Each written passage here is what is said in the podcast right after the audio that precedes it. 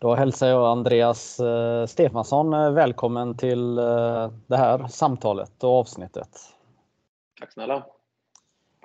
Du och jag sitter och pratar här nu. Nu är det timmar kvar kan man nästan säga till seriepremiären mot Linköping. Men för några timmar sedan så var du på Friends Arena och den givna frågan är hur många minuter tittar du på matchen? Eller när gick du hem? Eh, men jag eh, lättade från stolen i minut eh, 88. Sen såg jag, jag kände att det är någonting, det kan, det kan hända något, men har ju alltid den här lilla förhoppningen av att det ska kunna ske ett mirakel.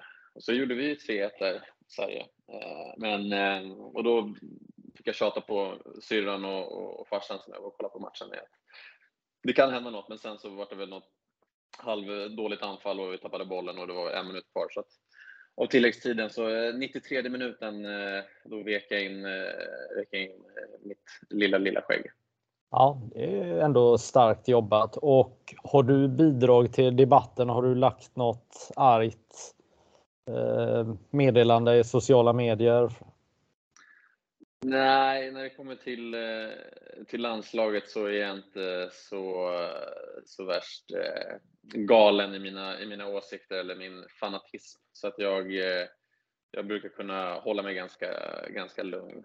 Det var väl mest en, en, en deppig känsla som sköljde över en efter, efter matchen där. Så att man, det kan vara rätt skönt att ha någon att, att, att gå. Jag bor ju i Solna så att det, det blir en liten promenad hem. Kan man gå och spy ut lite galla på vägen hem när man har låst upp dörren hemma så, så, så är tankarna någon annanstans. Så att, eh, jag, jag har försökt att släppa den, den bedrövliga insatsen. Ja, jag tror eh, närmare matchminut 70 så tog jag fjärrkontrollen och stängde av och nästan bråkade med min son eh, så som har för länge sedan gett upp tanken om att Sverige är bra på fotboll när det kommer till landslag. Då. Ja, men det är, man vaknar upp med lite baksmälla. Alltså man är lite besviken för man vet att nästa sommar hade blivit ännu roligare med Sverige och, och nu när vi har fotboll, EM då och det är 24 nationer som, som eh, ska vara med och bland annat Sverige då inte eh, ska vara med. Och inte Island heller va? Eller? Nej, du behöver inte ens prata om. De åkte på däng mot eh, Luxemburg här med 3-1 senast. Så det, är, det, är en, det är mörka tider för, eh, för mina två landslag framför allt. Men ehm, ja, det, är, det är trist. Jag pratade med en kompis som har tyskt påbrå, Julian Nylén, som har spelat ett par säsonger i SSL igår och han var också på matchen. Jag sa det, jag får väl stötta honom då och, och, och lägga in ett, och hålla lite för Tyskland för hans skull. Annars så vet jag inte riktigt eh, om jag kommer att vara så där superaktiv mitt tittande nästa sommar. Det, det, som du säger, det, det, det, blir inte samma grej om man inte har ett, ett landslag att följa under ett mästerskap. Nej, eh, lite roligt att du nämner Tyskland också, för jag vet ju att det pågår hyfsad debatt i Tyskland om att det är katastrof där också och de har väl mm. sparkat förbundskaptener och hela den här biten. Uh, ja, men vi, kan ju, vi, ska, vi kan väl runda av uh, fotbollssnacket med att prata AIK då, och alla supervärvningar till AIK fotboll och ja, man är med i bottenträsket här. Vad...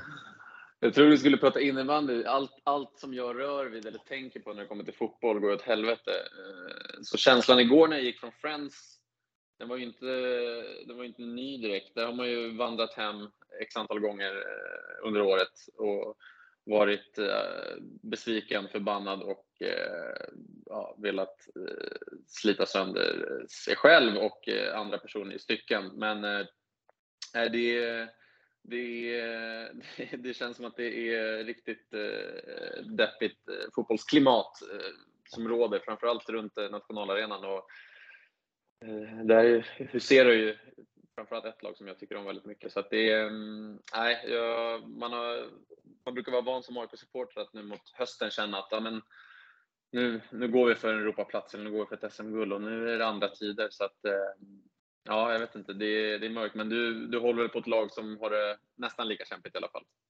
Jo, absolut. De har väl eh, vaknat lite här nu, men eh, mm. eh, absolut. Men eh, å andra sidan så är det, det finns ju en sån här AIK ehm, eller AIK-fansen själva har ju en sån eh, superhype på sig själv. Eh, och, eh, alltid. Det, det, ska alltid bli guld och gröna skogar höll på att säga. Ehm, så att det är ändå rätt många som njuter lite av att det är lite kämpigt för, för AIK. Ja, det är klart, så är det alltid och det, det tillhör som, som AIK-supporter tror jag att eh, ha en ganska hög, hög svansföring, ha höga krav alltid, eh, kanske orimligt eh, ställda krav utsett, eh, utifrån förutsättningarna. Eh, och det tror jag gäller både inom fotbollen framför allt, men även inom hockeyn och kanske innebandyn också eh, på sina håll. Kanske inte lika mycket nu senaste åren, men det hoppas jag att vi kan, eh, kan, eh, kan få upp. För att det, mm. det brukar vara något som, som jag i alla fall upplever driver saker och ting framåt. Sen kan det bli destruktivt ibland också, givetvis, lite som det är just nu inom fotbollen. Men, mm.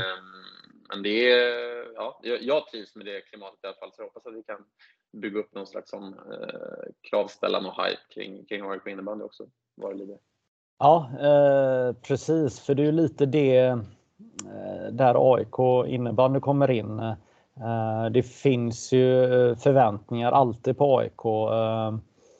Man, när man gick upp i högsta serien, när Jesus gick i kortbyxor, så var det en hype och man storsatsade direkt. Och